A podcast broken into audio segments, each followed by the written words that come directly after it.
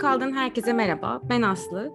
Bu bölümde Türkiye'deki Suriyeli mülteci çocukların eğitime erişimleri hakkında konuşacağız. Ee, konuğum Koç Üniversitesi Sosyoloji Bölümü öğretim üyesi Doktor Çetin Çelik. Çetin Hoca doktorasını 2012 yılında Bremen Üniversitesi'nden alıyor. Tezinde ikinci nesil göçmen gençlerin e, kimlik oluşumu ve eğitimdeki başarılı ile Almanya'daki politikalar, sosyal politikalar ve kurumsal düzenlemeler arasındaki ilişkiyi inceliyor. Kendisi de şu anda Koç Üniversitesi Göç Araştırmaları Uygulama ve Araştırma Merkezi Mirekoç'ta e, araştırmalarına devam ediyor ve göç bağlamında eğitim eşitsizliklerinin değişik biçimleri üzerinde çalışmalar yürütüyor. Biz de kendisiyle daha önce bir e, projede beraber Türkiye'nin göç politikası incelen bir projede çalışma fırsatı olmuştuk. Hoş geldiniz, çok teşekkürler. Teşekkür ederim davet için. Türkiye'de 3,5 milyonun üzerinde rakamlar, e, resmi rakamlara baktığımızda Suriyeli geçici koruma statüsü altında bulunuyor. Bu kişilerin de yarısına yakını 0-18 yaş arası çocuk ve gençlerden oluşuyor. Yani çok ciddi bir oranda genç bir nüfus var. Neredeyse tamamı Türkiye'deki Suriyeli geçici koruma statüsü altında ya da biz bu podcast'ta direkt mülteci diye de belki bahsedebiliriz. Şehirlerde yaşıyorlar. Şimdi ben bu podcast'ta biraz daha konuyu daraltmak için kentte yaşayan Suriyeli çocuk ve gençlerin eğitimine odaklanmak istedim. Yani hem beraber Suriyeli çocukların eğitime erişimi konusunda Türkiye'de nereden nereye gelindi? Yani yıllar içinde nasıl bir değişiklik oldu? Ve de Suriyeli çocukların hakları gözetilerek kapsayıcı bir eğitim politikası nasıl olmalı üzerine konuşalım istiyorum. Şimdi burada da şöyle bir şey var aslında. Yani Türkiye'deki Suriyeli sayısı bazı Avrupalı ülkelerin nüfusuna, toplam nüfusundan daha büyük. Tabii ki de böyle büyük bir nüfusun, kitlenin herhangi bir ülkenin e, sistemine, bu sağlık da olabilir, eğitim de olabilir, adaptesinin zor olmasının kaçınılmaz olduğunu söyleyebiliriz hem biraz bize konteks verebilir misiniz? Yani biz şu an neyden bahsediyoruz? Çünkü çok fazla kavram da geliyor. Geçici koruma statüsü, mülteci. Bir ondan e, bahsedebilir misiniz diye sorayım. Bir de Suriye çocuk ve gençlerin eğitime erişimini Türkiye neden önemsemeli? Türkiye'de yaşayan insanlar neden önemsemeli diye sorabilir miyim? Bildiğimiz üzere tarihsel akışta çeşitli göç rejimleri var. Örneğin Türkiye genellikle göç veren bir ülkeydi 1960'larda 70'lerde ve o dönemde ülkeler karşılıklı anlaşarak düzenli göçmen, legal düzenli göçmenleri alıyorlardı kendi ülkelerine. Fakat 1980'lerin sonundan 90'lardan itibaren uluslararası göç rejimi yasal, emek göçünden düzensiz göçe doğru evrildi. Artık göçmenlerin önemli bir bölümü Avrupa'da ya da gelişmiş Batı ülkelerinde kendilerine ihtiyaç yokken çünkü endüstri dönüştü artık bu e, kendi ülkelerindeki problemlerden, savaştan, kıtlıktan, son dönemlerde iklim krizinden örneğin artık hızla uzaklaşarak batıdaki refah yüksek toplumlara doğru gitmeye başladılar. Tabii bu Türkiye için önemli bir konu çünkü Türkiye geçiş ülkesi ve o yüzden de sürekli bir göç akışı üzerinde. Buradan çıkarabileceğimiz en önemli noktalardan biri Türkiye'deki göç belli bir momentumla ilgili değil, sürekli bir göç. Yani yarın bir gün iktidar değişse de elbette ki bunun ritmi azalabilir, sayısı düşebilir fakat bu göç devam edecek.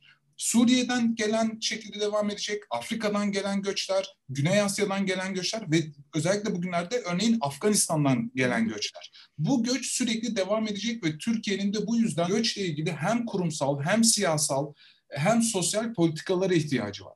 Şimdi e, tabii Türkiye'nin göç tanışması yani şöyle bir örnek vereyim. 2011 yılında uluslararası koruma altındaki mültecilerin sayısı yanılmıyorsam 55 bin civarında. 2010-2011 gibi. Hı hı. Ama 2014'e geldiğimizde Türkiye dünyada en fazla sayıda mülteciye sahip ülke konumuna geldi.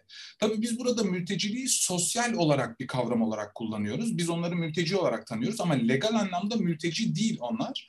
Çünkü Türkiye 1951'deki konvansiyona dayanarak e, coğrafi kısıtlama ilkesini uyguluyor ve Avrupa dışından gelen sığınmacılara mülteci statüsü vermek zorunda değil.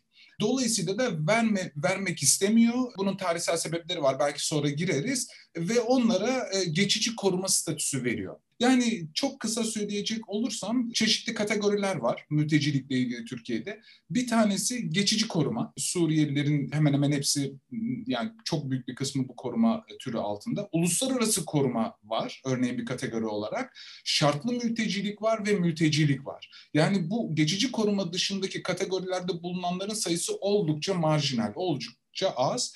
Fakat örneğin uluslararası koruma altında Afganlardan bahsedebiliriz. Belki yani son rakamları bilmiyorum. Yıllık rakamlar aklımda. Yıllık 35 bin, 30 bin civarında e, başvuru yapılıyor. Yüzde kaçı kabul ediliyor bilmiyorum. Fakat e, kulaktan duyma bilgiler yüzde 90'ın reddedildiği yönünde bu başvuruların ama bilemiyorum e, son rakamları. Çok teşekkür ederim hocam. Bu hem Türkiye'de göç rejiminin nasıl değiştiğini anlamak açısından hem de farklı göçmen kategorilerini oturtmak için çok yardımcı oldu. Peki size ilk başta sorduğum sorunun ikinci kısmını hatırlatacak olursam yani sizce neden Türkiye'de yaşayan e, vatandaş olarak biz Suriyelilerin eğitime erişimini önemsemeli ve bu konuyu daha çok konuşmalıyız? Yani e, belki şuradan söyleyebilirim. Yani uluslararası göç rejimi değiştiği için Türkiye artık bu göçlerle yaşamak zorunda. Kendini buna göre ayarlamak zorunda. Neden bu insanları biz eğitim sistemi yoluyla e, kendi toplumumuza entegre etmeliyiz? Çünkü bana sorarsanız birincisi başka bir çaremiz yok. Yani biz bir arada yaşayacağız e, çok büyük bir ihtimalle. Ne olur bilinmez ama büyük kısmı burada kalacak, gitmeyecek. Çünkü bu konuda araştırmalar var. Gitme ve kalma e, isteklerini ölçen. Önemli bir kısmı Türkiye'de kalacağını söylüyor. Bu böyle değildi ilk zamanlar. Fakat e, Türkiye'den Avrupa'ya giden mültecilerin de geri bildirimleri oralarda da durumların çok parlak olmadığını örneğin e, gösteriyor. Ya da geçiş yolları çok pahalı, e, sınırları geçmek kolay değil. Yani birçok teknik, e, sosyal, ekonomik problemler var ve tabii Suriye ile Türkiye arasında da önemli kültürel, dinsel benzerlikler var. Bunlar da motivasyon oluşturuyor onlar için e, kalmak açısından. E tabii bir de sınır ülkesi yakın geri dönebilme potansiyeli her zaman cepte duruyor onlar için. Dolayısıyla Türkiye'de kalma durumları var. Türkiye'deki uyumları bizim için çok çok önemli. Çünkü toplumsal barış için diye ben söylemek istiyorum. Eğer e, dil ya da ortak değerler çerçevesinde uzun dönemli bir uyum programı geliştiremezsek bu grupların birbiriyle olan etkileşimlerinde gerginlikler olabilir. Birinci konu. İkinci konu bu iki grup arasındaki gerginlikler bugün yapıldığı gibi siyasete alet edilebilir ve dolayısıyla toplumsal huzuru ve barışı bozabilir. Öte yandan elbette ki ekonomik sebepleri var. Yani e, eğitim yoluyla iş piyasasına entegrasyonunu biz sağlamalıyız ki dil öğrenme motivasyonları, burada kalma motivasyonları, içinde yaşadıkları topluma ait hissetme motivasyonları artsın. Mesela Almanya gibi ülkelere baktığımızda çok daha kontrollü bir şekilde işte 1960'larda büyük bir Türk nüfus alıyorlar ya da daha az gelişmiş ülkelerden çok ciddi bir nüfus alıyorlar. Bu çok daha kontrollü olduğu halde Almanya'da bile entegrasyona birçok problem yaşadığını biliyoruz biz. Türkiye çok hızlı bir sürede, iki yıl içerisinde 50 bin gibi bir rakamdan 2 milyona yakın mülteciye ev sahipliği yapmaya başladı. Çok hızlı bir şekilde oldu. Dolayısıyla belki o kadar kontrollü değildi. Ama bir yandan da yıllarca Türkiye'de yaşayan bir grup insan var ve bu bunların bir kısmı da Türkiye'de doğdu. Yani o açıdan da aslında evet. entegrasyonlarını belki farklı politikalarla yapmak gerekiyor. Ya şimdi tam bu konuda aslında biraz konteks verdiğimiz iyi oldu. Çünkü şey de size sormak istiyorum. Suriye ile ilgili herhangi bir konu konuşalım. Biz bugün eğitimi konuşuyoruz ama herhangi bir şey konuşulduğunda birçok yanlış bilgi de ortalıkta dolaşıyor. O yüzden ben nasıl politikalar uygulamalıyızı sormadan önce size bu sistemde bir Suriyeli çocuk nasıl e, okula gidiyor, kaydoluyor, liseye kaydoluyor. Hı hı.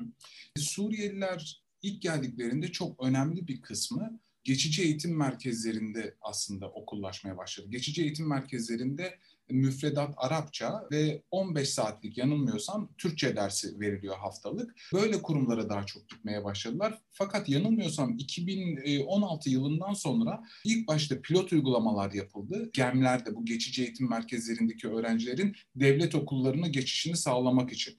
Ardından 2017'de yanılmıyorsam e, artık okula ilk olarak kayıt olacaklar. E, yani bu öğrenci grubu zorunlu olarak devlet okullarına alınmaya başlandı. Şimdi bu çok önemli bir nokta. Bir e, pozitif önemli bir nokta. Birincisi Almanya'ya yapılan Türkiye'den giden göçleri düşünürsek yanılmıyorsam Bavyera civarında örneğin sadece Türk öğrencilerin bulunduğu sınıflar vardı. Ayrı tutuluyorlardı. Bunun arkasındaki mantık şu. Yarın dönecekler. Dolayısıyla karıştırmayalım yani iki grubu birbirine. Şimdi gemlerin aslında e, her ne kadar böyle söylenmese de arkasındaki mantık buydu. Kısa süre sonra Suriyeliler dönecekler. Dolayısıyla onları Türkiye'deki öğrencilerle bir arada tutmayalım, karıştırmayalım. Fakat Suriye'deki savaşın uzaması, e, sahadaki durumun süreklilik kazanması, geri dönüşün mümkün görünmemesi dolayısıyla böyle bir politika değişikliğine gidildi ve öğrenciler kamu okullarına, devlet okullarına alınmaya başladılar. Şimdi şöyle söyleyeyim, bir Suriyeli öğrenci bugün üç yerde eğitimini tamamlayabilir. Sayıları giderek azalan e, gemlerde, yani size şöyle söyleyeyim, bugün e, Suriyeli öğrencilerin sadece yüzde üç buçuğu gemlere gidiyor okul yaşındaki. Çok az bir oran.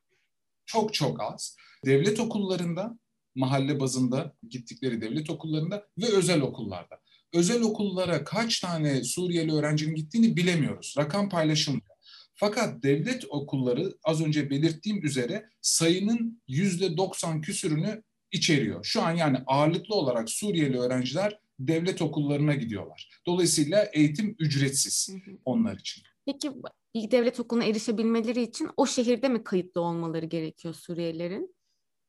Evet, bu mesela önemli bir tartışma konusu. Çünkü birçok e, mülteci e, sınır geçtiklerinde girdikleri ilde kayıt yaptırdılar. Örneğin Hatay'da, Urfa'da ama iş bulamadılar, İstanbul'a geldiler onlar bir işte çalışırken çalıştıkları işten gelir ettiklerini, bunu ben de yaptığım uzman görüşmelerinde öğrendim, kanıtlarlarsa kaydını alabiliyorlar. Hı hı. E, zaman zaman bu tabii e, imkansız da olabiliyor çeşitli yani, politika değişikliklerinden ötürü. Şimdi bağlı bulundukları ildeki okullara gidiyorlar. Bugün de az önce onu söylemeyi unuttum. Bu politika değişikliğinden sonra ilk defa 2017 galiba 2018'de kamu okullarına giden öğrenciler geçici eğitim merkezlerine gidenleri geçmeye başlıyor. Yani şu, şunu söylemek istiyorum. Geçici eğitim merkezlerindeki öğrencilerin sayısı hızla düşüyor ve kamu okullarındaki öğrencilerin sayısı çok daha hızlı bir şekilde artıyor. Çünkü yeni alttan gelen öğrenciler de kamu okullarına girmeye başlıyorlar.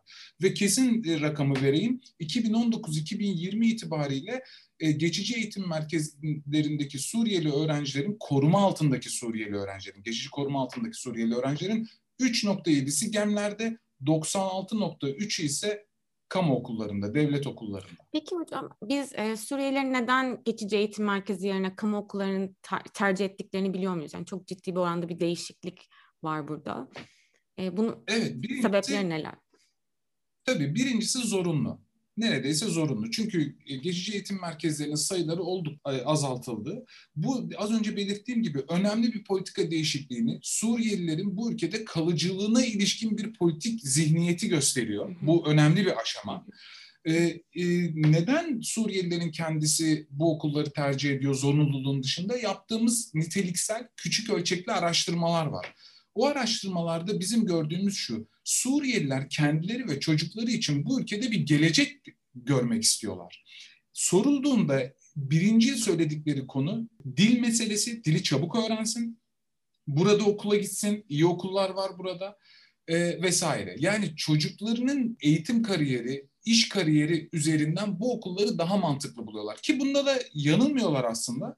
Çünkü geçici eğitim merkezlerinde az önce belirttiğim gibi müfredat Arapça gelen öğrenciler Suriyeli. Okuldaki öğretmenlerin de çok bir kısmı e, yine Suriyeli. Elbette ki Türk öğretmenler de var. Birçoğu Suriyeli öğretmen. Dolayısıyla biz yazdığımız makalede bu okul tiplerini akvaryuma benzettik. Yani bu öğrenciler burada başka bir ülkede bir akvaryum içinde yaşıyorlar ve içinde yaşadıkları geniş toplumla etkileşme e, şansları oldukça sınırlı. Dolayısıyla aslında kendileri de entegrasyon açısından kendileri bu ülkede ait gördükleri için belki de kamu okullarını tercih ediyorlar. Peki sınavlara evet. erişim konusunu bize biraz e, açabilir misiniz hocam? Suriyeli öğrenciler bir kamu okuluna gittiyse ya da özel okula gittiyse direkt lise giriş sınavı, üniversite giriş sınavına girebiliyorlar mı? Evet şöyle yani şuradan başlayayım. Geçici eğitim merkezlerine giden öğrenciler e, geçici eğitim merkezlerini bitirdikten sonra bir sınava giriyorlar. Geçici eğitim merkezlerini tamamladıklarında bir sertifika alıyorlar. Fakat bu sertifikayı geçerli kılmak için açık öğretim liselerinin sınavlarına giriyorlar. Yani bu sınavlara girdikten sonra geçici eğitim merkezlerinden aldıkları diplomalar geçerliliğe sahip oluyor. Hatta uluslararası şekilde geçerliliğe sahip oluyor. Çünkü açık liseden alınan diplomalar uluslararası hı hı. şekilde tanınıyor Türkiye'den alınan diplomalar. Bu şekilde. Devlet okullarında ise e, normal müfredatı takip ediyorlar. Türk öğrenciler nasıl sınavlara giriyorsa onlar da öyle giriyorlar. Tabii biz burada teoriden bahsediyoruz. Yani şöyle bir ayrım yapmama izin verin. Suriyeli öğrencilerin eğitime erişimi var mı? Bu ölçekte rakamlara baktığımızda var. Peki kaliteli eğitime erişimi var mı? İşte mesele burası. Çünkü gerçekten de e, eğitime erişimleri olmasına karşın çok defa örneğin öğrenci 7. 8. sınıfa gelmiş ama okuyamıyor. E, ya da devam ettiği okuldaki öğretmen kapasitesi e, ya da dersin işleyişi, müfredatın gidişatı bu öğrencileri içerecek yapıda ve şekilde değil. Dolayısıyla ya da müfredat hiçbir şekilde farklı öğrencileri bir araya getirerek örneğin aktiviteler, müfredat dışı etkinlikler içermiyor. Örneğin bir müze eğitimi Türk öğrencilerle birlikte ya da aktiviteler değil mi? Yani uyumu, entegrasyonu arttıracak bir müfredat değil. İçermeci bir eğitim yok. Dolayısıyla şöyle söylememe izin verin. Özel okulları bir kenara koyuyorum. Ne kadar öğrencinin gittiğini bilmiyoruz oraya. Bu okullar dışında e, devlet okullarında birçok sorun var kaliteli eğitime ulaşmanın önünde. Ama geçici eğitim merkezinden devlet okullarına geçiş olumlu bir adımdır. Anladım. O aynı zamanda dediğiniz gibi Türkiye'nin de biraz daha kalıcı politika üretmesinin bir adımı olarak e, değerlendirebiliriz. Hem de Suriyeli mültecilerin de bu ülkede geleceklerini gördükleri için kendilerine yaptıkları bir adım olarak devlet okullarını tercih ettiğini görürüz. Şimdi aslında bu kaliteli eğitime geçmeniz çok iyi oldu. Ben de çünkü size şunu sormak istiyorum. Yani Suriyeli çocukların eğitime ulaşmanın önündeki temel engeller neler? Bazılarını siz kaliteli eğitim için bahsettiniz. Nasıl kaliteli eğitim alabilir? Ondaki engeller neler? Ama bunun dışında şunu biliyoruz mesela. Burada doğan çok Suriyeli var ama bazı Suriyeli çocuklar da Türkiye'ye geldiklerinde zaten ülkelerinde eğitime başlamışlardı ve burada bir geçiş yapmaları gerekti. Burada karşılaştıkları ekstra engeller var mıydı? Belki dil bariyeri gibi ya da başka engeller siz görüyor musunuz? Ve bunlar şu anda da devam ediyor mu? Yıllar içinde nasıl bir değişiklik oldu? Daha iyiye gidiş görüyor musunuz? Evet. Yani dilerseniz şöyle bir hani e, e, evet eğitime erişimleri var genel olarak ama kademe kademe bakmaya çalışalım. Hı hı. Yani örneğin okul öncesi düzeyde Suriyelilerin e, yüzde 27'si sadece yani 5 yaş altı total için söylüyorum yüzde 27'si örneğin okul öncesi eğitime erişebiliyor. Bu oran vatandaş olanlarda, Türkiye'li olanlarda yanılmıyorsam yüzde 70 küsürlerde. Hı hı. İlkokul düzeyine baktığımızda bu baktığımız zaman burada önemli yüksek bir okullaşma oranı var. Yüzde 89, yüzde 90 civarında. Ortaokul e, düzeyinde yüzde 70 civarında, lise düzeyinde ise yüzde 33 civarında. Şimdi bunlar resmi rakamlar. Benim yaptığım uzman görüşmelerinde lise düzeyindeki erişim oranlarının yüzde 33'ten çok daha düşük olduğu da söyleniyor. Yani şunu söylemek istiyorum, eğitime erişim var ama ilkokuldan itibaren yukarıya doğru gittikçe erişim düşüyor. Hem de önemli bir şekilde düşüyor ve Türkiye vatandaşlarıyla geçici koruma altındaki Suriyelilerin okullaşma oranlarına kademeli baktığımızda karşılaştırarak e, önemli farklar var. Örneğin lise düzeyinde vatandaşların eğitime erişimleri yine yüzde 77-78 civarında ama Suriyeliler için 33 ya da 33'ten çok daha az örneğin. Şimdi burada e, şunu söylemek istiyorum. Burada bir problem var. Yani e, bu problem grup kaynaklı, aile kaynaklı ve kurum kaynaklı. Yani okulun kendisinden, eğitim sisteminin işleyişiyle ilgili çeşitli herhalde yerlerden kaynaklanan sorunlar. Ee, çalışmalara baktığımızda burada şunu görüyoruz. Bir grup faktör hem Türkiye'li, Türk hem e, Suriyeli öğrencileri eğitimde dezavantajlı kılıyor. Nedir bunlar? Ailenin sosyoekonomik durumunun düşük olması. Hı hı. Ee, anne babanın eğitim profilinin düşük olması. Bunlar her iki grup için de dezavantaj yaratıyor ama Suriyeliler örneğinde ki belki Afganlara falan da geliriz, gelmeliyiz bence. Hı. Çünkü o çok daha dezavantajlı bir grup. Ee, Suriyeliler özelinde onlara özgü engeller de var. Nedir bu? Dil, dil meselesi. Birçok çalışma Suriye'den de gelen olsun, burada da eğitime başlayan olsun birçok öğrencinin dille ilgili problemi olduğunu gösteriyor. Elbette ki Milli Eğitim Bakanlığı'nın e, çeşitli programları var. Yaz aylarında yaz aylarına konulan hızlandırılmış örneğin eğitimler, ekstra dil programları. Bunlar mevcut. Bir çaba yok demiyorum. Hı hı. Önemli çabalar var. Zor bir konu zaten bu. Kolay halledilebilecek bir konu değil. Fakat e, şunu görüyoruz, dil meselesi önemli bir durum. Okuldaki müfredatın anlaşılması meselesi önemli bir durum. anne babanın dil bilmemesi, çocukların eğitimine yardım edememesi anlamında yine mültecilere özgü bir engel yaratıyor. Bunun dışında tabii belki online eğitimde da, o, daha çok ortaya çıkan engeller var.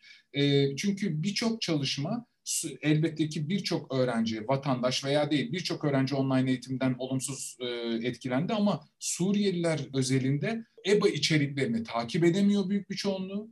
Hem teknik aletleri e, yani bilgisayarları, telefonları vesaire olmadığı için olanlarla, erişimleri olanlarla yapılan görüşmelerde şunu gösteriyor. Öğrenciler ve aileleri dil yüzünden bu EBA içeriklerini anlayamıyorlar, takip edemiyorlar. Dolayısıyla eğitimden kopuyorlar.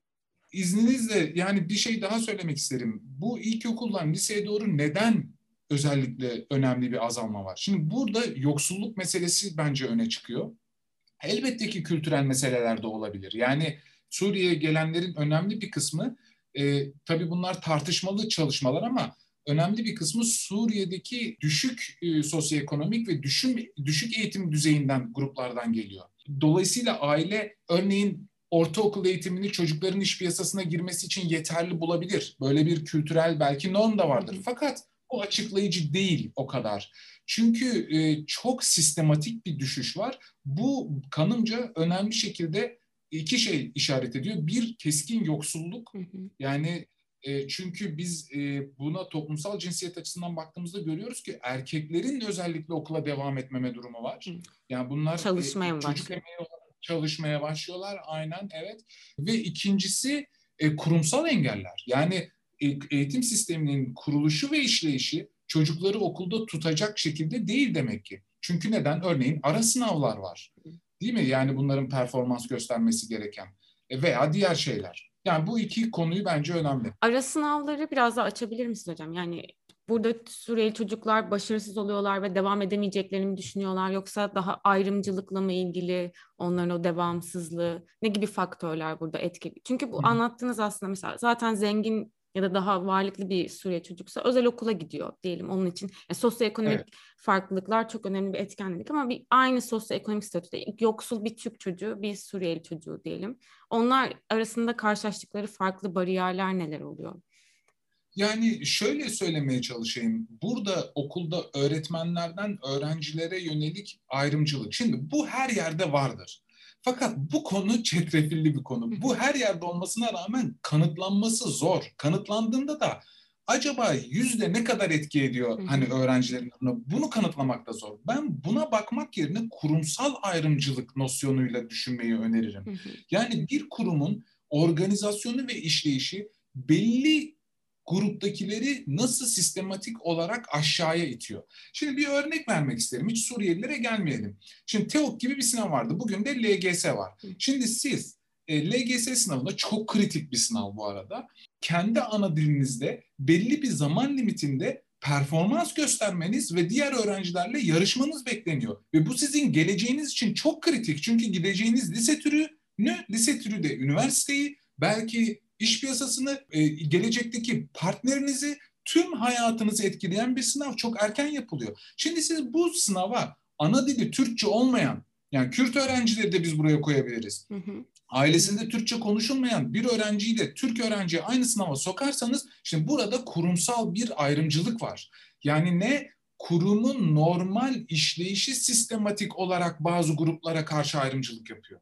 Şimdi buraya Suriyelileri de koyabiliriz işte. Tabii ki LGS'de artık yeni düzenlemeyle yani TEOK'tan LGS'ye geçişle birlikte sınava girmek tırnak içinde mecburi değil.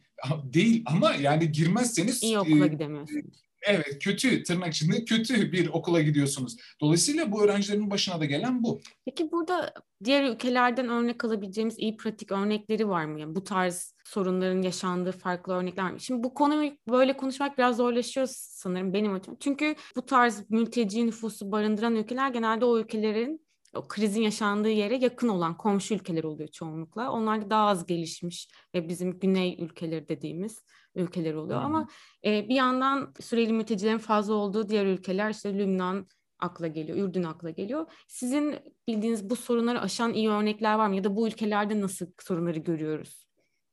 Hı hı. Yani şöyle söyleyeyim, bu konu hakkında çok fazla veri yok. Yani şöyle açmaya çalışayım.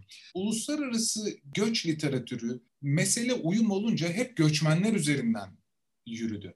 Bunun tarihsel sebepleri var mültecilik daha anlık krizler olarak ortaya çıktı. Yani işte Pakistan'da bir çatışma olur, Pakistan-Hindistan sınırında mülteciler oradan çıkarlar, kamplarda tutulur, tutulurlar, kriz geçince de geri gönderilirler. Zaten Birleşmiş Milletler Mülteciler Konseyi gider oraya yardım yapar. Yani şunu demek istiyorum. Mülteciler genelde geçici, göçmenler ise kalıcı gruplar olarak hep düşünüldü. Dolayısıyla uyum meselesi, göç literatürü ve teorileri hep göçmenlere yönelik oldu.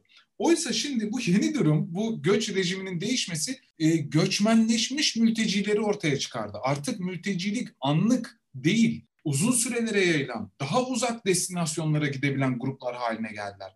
O yüzden biz yeni yeni Kanada'da, Almanya'da mülteci entegrasyonu üzerine çalışmalar görüyoruz. Bakın açın bakın 10 yıl önce yok. Yani hep işçi sınıfı ya da işçi göçmenler, labor migration, labor migrants üzerine çalışmalar var. Şimdi daha yeni yeni çıkıyor. Şimdi dolayısıyla burada şöyle bir durum var. Şunu söyleyelim bence bu önemli. Mülteciler Avrupa'daki teorilerin ya da batıdaki teorilerin, batıdaki göç üzerine çalışanların dikkatini neden çekti? Çünkü artık oraya gidebiliyorlar. Çünkü artık o toplumlara girebiliyorlar. Önceden böyle değildi. Ama buna rağmen bugün e, mültecilerin yanılmıyorsam yüzde sekseni, 86'sından da fazlası Global South dediğimiz küresel güney ülkelerinde yoksul, gelişmekte olan ülkelerde bulunuyor.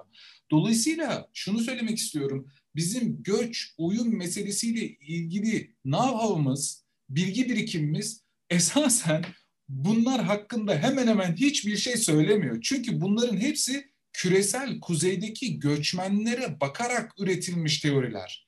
Birincisi bunu söylemek isterim. İkincisi elbette ki yeni yeni Almanya'da, Kanada'da, İsveç'te e, çünkü bunlar küresel güneyde nispeten daha yüksek düzeyde mülteci alan gruplar, e, ülkeler özür dilerim. Burada çalışmalar var ve karşılaştırmalı araştırmalar bir takım şeyler söylemeye başladı. Örneğin Almanya'da erken yaşta çocukları farklı okul türlerine ayıran tıpkı bizim TEOK'a benzeyen ama ilkokuldan sonra yapılıyor orada bu gibi erken ayrıştıran eğitim sistemlerinin mültecilerin uzun dönemli uyumu için zararlı olduğu ama örneğin İsveç gibi farklı okul türlerine ayırmanın nispeten daha geç yaşlara e, ertelendiği sistemlerin ise tabii diğer destek mekanizmalarıyla birlikte daha faydalı olduğunu söyleyen çalışmalar var. Fakat küresel güneye baktığımızda küresel güneyde bu tür sistematik çalışmalar yok. Neden? Birincisi sayı çok yüksek. Yani bugün Türkiye'de kayıtlı 3.6 diyoruz. Biz bunu 5-5.5 gibi düşünelim. Gerçekten çok yüksek bir rakam. Şimdi burada küresel güneyde bizim bakıp da e, aslında hani iyi örnek olarak düşünebileceğimiz açıkçası şu an aklıma pek bir şey gelmiyor. Lübnan'a baktığımızda örneğin Lübnan'daki durum çok daha farklı. Şimdi orada Lübnan hükümeti mültecilere bir statü vermiyor, vermekten kaçınıyor. Çünkü bilindiği üzere Lübnan bir mülteci ülkesi. Yani Filistinli mültecileri düşünelim. Yani Lübnan'da yanılmıyorsam her bin kişi başına 160 mülteci düşüyor. Orası çok farklı bir e, Türkiye aslında bağlam. büyük nüfusuyla biraz yutuyor gibi de e, Evet. 5 evet. milyona yakın mülteci ve göçmen olmasına rağmen. Evet yine de düşük yani düşük demeyelim ama yani e, sindirilebilir mi diyelim Hı. ne diyeceğimi bilemiyorum şu an ama Lübnan'la karşılaştırdığımızda çok düşük. Şimdi Lübnan'da bir de yani mültecilerin mültecileri karşılaması var. Yani bugün Suriyeli mültecileri Filistinli mülteciler karşılıyorlar toplumda. Hı hı. Dolayısıyla orası biraz karmaşık bir şey. Ama orada uluslararası koruma statüsü Birleşmiş Milletler üzerinden veriliyor ve Birleşmiş Milletler oradaki Suriyeli öğrencilerin eğitimine ve uyumuna e, yönelik bir bütçe ayırıyor. Lübnan hükümeti bu bütçe bağlamında harcamaları yapıyor. Dolayısıyla kendisi bir statü vermiyor. Peki okullardan durum nasıl? Hani eğitimden konuşuyoruz e, ilk başta e, okullara almadı, geçici baktı Lübnan. Daha sonra devlet okullarına e, Suriyeli öğrencileri aldı. Ardından da yanılmıyorsam 2014-2015'ten sonra okulları iki vardiyeli yaparak yani sabahleyin Lübnan devlet okullarında sabahleyin Lübnanlı öğrenciler eğitim görüyor. Öğleden sonra Suriyeli öğrenciler eğitim görüyor şeklinde yaptı. İşte burada iki şeyin altını çizmek isterim. Birincisi Lübnan farklı dini ve mezhepsel gruplardan oluşan bir yapı. Çok girmek istemiyorum. Orada eğitim sistemi de öyle. Ermenilerin kendi okulları var. E, Ermenilerin bir alt grubunun kendi okulları var. Şiilerin farklı okulları var. Sünnilerin farklı okulları var. Hristiyanların farklı okulları var. Dolayısıyla oradaki e, e, orada sistematik e, olarak resmi görmek çok zor. Yani rakamları bilmiyoruz, sayıları bilmiyoruz. Fakat devlet okullarındaki durum şu.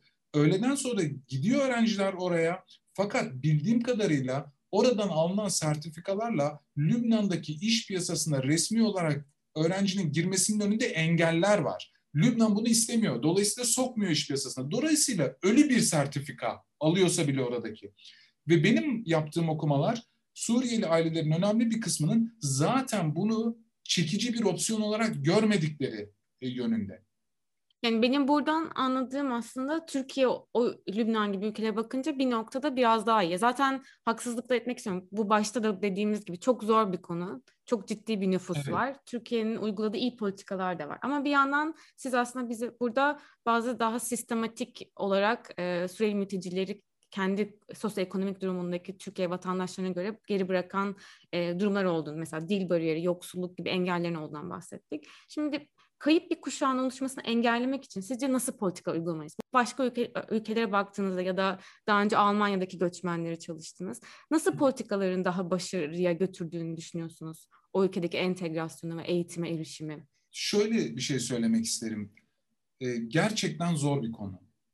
Yani burada hep kötü yönleri söyleyerek e, e, yani eleştirel bir el, yani biz tabii ki e, akademisyen olarak sürekli eleştirmek zorundayız. Hı. Tabii ki yani hep onu göster göstermeliyiz. Bunun yanında e, ortada çabalar yok değil. Yani e, gerçekten Milli Eğitim Bakanlığı'nın son dönemlerde hayata geçirdiği çeşitli politikalara bakıldığında e, önemli bir e, çaba olduğunu e, burada görüyoruz. Yani e, ne tür çabalar? Örneğin altyapı yatırımları çok önemli. Yani e, sınıf lazım, okul lazım ve buraya ayrılan önemli bütçeler var. Daha da çok ayrılması lazım. Yeterli değil. Yeterli olduğu için söylemiyorum. Sadece bu, e, bu kısmı gerçekten vurgulamak istiyorum. Öte yandan e, söylemek istediğim örneğin Suriyelilerin gönüllü şekilde eğitim sistemine öğretmen olarak yani personel olarak daha doğrusu alınmasını içeren programlar var. 2016-2017 yılından beri yanlış bilmiyorsam 13 binden fazla Suriyeli gönüllü şekilde eğitim personeli olarak devlet e, okullarında çalışıyorlar. Şimdi bu neden önemli? Aile ile okulun arasındaki ilişkileri düzenlemek, çocukların okuldaki akran grubu ile ilişkilerini e, kolaylaştırmak, öğretmenlerle, Türk öğretmenlerle etkileşimlerini kolaylaştırmak. Şimdi bunlar gerçekten çok önemli faktörler. Örneğin Almanya'da e, uzun süre bunlar olmadı, yapılmadı ve hala da yok aslında birçok yerde. E, sadece bir iki yerde yani best practice dediğimiz okullarda bu tür şeyler uygulanıyor. Bunlar sonuç veren politikalar. Bunlar sonuç veren politikalar okulla evi birbirine bağlayan politikaların oldukça önemli olduğunu düşünüyorum. Bakın iş piyasasında çok zaman ayrı yerde çalışıyorlar. Oturdukları yerler farklı olabiliyor. Fakat okullar e, çoğunluk toplumundan, azınlık toplumundan kişilerin bir arada doğal olarak etkileşebileceği mekanlar. Dolayısıyla okullar uyumun en önemli motoru haline gelebilir. Gerçekten de gelebilir. Eğitim alanını hedefleyen yine bildiğim kadarıyla rakamları veremeyeceğim şu anda ama e, öğretmen eğitimleri yapılıyor. Elbette ki sorunları var. Hı hı. Bir diğer önemli nokta bu alandaki aktif sivil toplum kuruluşları. Bakın e, Türkiye'nin bir uyum politikası yok yani bunu rahatlıkla söyleyebiliriz. Yani kalıcılığa ilişkin bir perspektifi var. E, belli bu devlet okullarının alınmasından bu öğrencilerin vesaire belli. Fakat açık açık konuşulan bir uyum politikası yok. Nasıl peki o zaman bir uyum politikası var? Sahada kendiliğinden sahada on the ground orada bir uyum süreci var. Çünkü bu mülteciler kamplarda yaşamıyor. Şehir, e, kent e, mültecileri. Sürekli bir etkileşim var ve STK'lar burada çok önemli görevler üstleniyorlar. Dolayısıyla her ne kadar hükümetin belirli bir vizyonu olmasa da sahada ilerleyen bir uyum süreci var. Biz bunu gruplar arası evlilik oranlarından biliyoruz, küçük çalışmalardan. Biz bunu işte ne bileyim takip edebiliyoruz birçok şeyden. Dolayısıyla şunu söylemek istiyorum. Ulusal programlar, az önce bahsettiğim gibi uluslararası programlar, e, nakit yardımlarından tutun, e, ne bileyim Kızılay kart üzerinden yapılan ya da başka birçok mekanizma çalışıyor. Yani günü kurtarmak için ve buna ek olarak sahada da vizyon olmasa da ortada ilerleyen kendiliğinden bir uyum süreci var. Peki hocam sahada olunca yani bu aslında çok değerli bir e, çaba olsa da sahada olan çaba ve belki de bu 10 yıldır bu süreci bu sayede yönetebiliyoruz. Ama bir yandan da bu pratikte durumun şehirden şehire, şehir içinde mahalleden mahalleye değişmesi ya da bir, bir STK'nın olduğu yerde benim mesela birkaç yıl önceki çalışmalarda çok fazla kişisel inisiyatifle değişiklikler oldu. Bir okulda çok iyi onların uyumu ama diğer okulda değil çünkü bir okulun müdürü daha açık, öbürü o kadar değil. Ya da belki aynı şekilde bir belediye daha çok yardım ediyor, diğeri etmiyor gibi engellere de sebep oluyor mudur sizce? Kesinlikle. Kesinlikle. Ee, benim bunu vurgulama sürecin geri döndürülemezliğine ilişkin. Yani sahada kendiliğinden ilerleyen bir uyum süreci var. Ama dediğim gibi ortada bir uyum programı ve vizyonu olmadığı için bu bahsettiğiniz problemlerin ve çok daha büyükleri bunların elbette var. Kesinlikle haklısınız. Burada yapılması gereken konu bu fikirle bir an önce barışmak. Yani bu kalıcılık meselesiyle resmi düzeyde de biliyorsunuz bu politik bir konu. Ana muhalefet liderinin yaptığı e, hani açıklamayı biliyorsunuz konuya ilişkin, Suriyelilerin geri dönüşüne ilişkin vesaire. Burada e, zannediyorum politik aktörler e, resmi olarak konuyu ele almak ve bir program koymaktan çekiniyorlar. Oy kaygılısıyla, değişik şeylerle. Fakat bunun yapılması gerekiyor bir noktada. Yani bir vizyon koymak. Bakın çok basit bir şey söyleyeceğim. Uyum çok klasik bir şey olacak ama evet iki taraflı. Yani içine girilen topluma da gelecekle ilgili bir şeyler söylemek lazım. Yani ne olacak, nasıl adımlar atılacak, ne tür bir e, yol izlenecek bir yandan. Ama bir yandan da sizin geçici koruma verdiğiniz, bakın geçici, yani şimdi uyum süreci bir investment, bir yatırım olarak da düşünülebilir. Siz çocuğunuzun Türkçe öğrenmesi için örneğin maddi bir masrafta bulunacaksınız diyelim ki. Ya da moral bir motivasyonla dil öğreneceksiniz. Siz geleceğinizi bilmeden nasıl bu yola bir yatırım yapabilirsiniz? Siz çocuğunuzun eğitimi için moral, maddi çabalıyorsunuz ve bir ana muhalefet lideri örneğin çıkıp diyor ki biz Bunları yarın göndereceğiz. Sizin motivasyonunuz ne olur? Siz kendi uyum sürecinize yatırım yapar mısınız? Ya da yapmalı mısınız? İşte bakın bunlar gerçekten çok hassas konular. Genel bir programın tartışmaya açılması. Bakın oluşturulması da yukarıdan aşağı olmaz.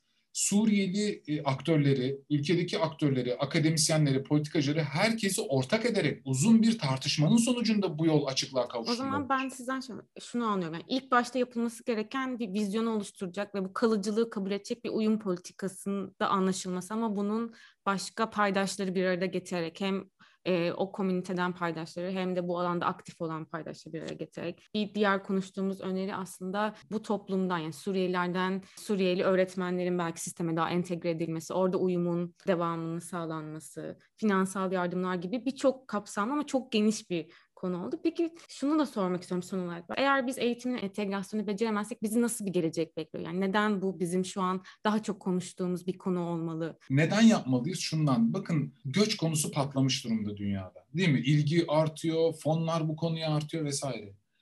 E, bunun en önemli nedenlerinden biri bence ne biliyor musunuz? Çünkü göç, bu düzensiz göç, ulus devletin üzerine oturduğu tüm kategorileri alt üst ediyor. Ulus devletteki kurumlar Anderson'un kavramını kullanırsak hayal edilmiş bir homojen cemaate hizmet etmek için dizayn edilmişlerdir. Yani siz eğitim sistemini düşünün. Bir kere siz karşınıza gelen öğrencinin Türkçe konuşacağını varsayıyorsunuz. Bunun büyük oranda da Sunni olduğunu, Sunni Müslüman olduğunu varsayıyorsunuz ve buna göre bir müfredat oluşturuyorsunuz. Şimdi peki grup bu kadar homojen mi? Ya zaten değildi hiçbir zaman ama bu yüksek sayıdaki göçle birlikte bu kriz görünür oldu. Yani bu mülteci krizi değil de bu kurumların krizi nasıl çözeceğiz? Gelen grubun heterojen, birbirine benzemeyen yapısını homojenleştirerek değil, homojen bir kitleye hizmet etmek için dizayn edilmiş kurumlarımızı genişleterek ve heterojen bir kitleye hizmet eder hale getirerek çözemezsek bu bizim toplumsal barışımızı tehlikeye atar. Çünkü kurumlarımız işleyemez olur. Yani bugün e, bence yaşanan en derin kriz bu. Sağlık sektöründe, eğitim sektöründe birçok devlet ve özel kurumla bu konuya ilişkin çalışma şansım oldu. Şimdi hizmet veremiyor kurumlar. Çünkü e, karşısındaki gruba yönelik bir hizmeti yok. Bu tamamen ulus devlet tarihselliğiyle ilgili bir şey. Tüm kategorileriyle ulus devleti mahvediyor. Kim vergi verecek, vatandaş kim, eğitimden kim faydalanır, değil mi? Suç nedir, mahkeme hangi birine bakacak? Birçok yeni kategoriler sokuyor hayatımıza. Bizim bununla bir an önce barışmamız gerekiyor. Bakın Almanya çok güzel bir örnek. Farklı bir bağlam, farklı bir konteks olsa da güzel bir örnek. Almanya 2000'lere kadar göç toplumu olduğunu kabul etmedi. Ne oldu? Gerçek her zaman dayatır kendisini.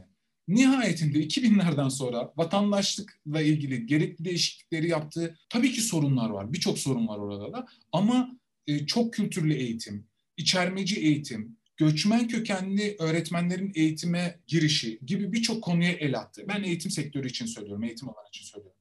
Yani bunu yapmazsanız kurumlar işleyemez hale gelir. Eğer bu zaten olsaydı Almanya bunu yapardı. Almanya Türkiye'den çok daha güçlü bir ülke ekonomik, sosyal açıdan. Eğer görmezden Türkiye, gelebilseydi bu. Evet, gör, eğer evet yani bu şekilde çözülseydi tamam onlar da çözebilirdi. Ama böyle bir şey yok.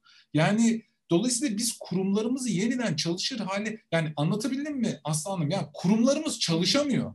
Yani çünkü olmuyor bu şekilde olmuyor. Yani bunu biz biz aslında Suriyelilerin kayıp kuşak olmasını konuşurken biz bunu da konuşmalıyız. Biz kurumlarımızı yeniden çalışır hale getirmeyi tartışıyoruz aslında. Nasıl yapabiliriz? İşte tam söylediğim gibi genleşerek, büyüyerek o farklılıkları, o çeşitliliği içine alacak bir okul, içine alacak bir eğitim Tehdit sistemi. olarak görmeden Evet bir uy- uyum politikasıyla beraber. Evet çok haklısın. Çünkü bu aslında bu başta konuştuğumuz konuya da geri dönmüş. Sizin bahsettiğiniz Türkiye bir transit ülkeden aslında şu an göç alan da bir ülke haline geldi ve belki bu devam edecek kaçınılmaz olarak. Şimdi Afgan göçünü konuşuyoruz.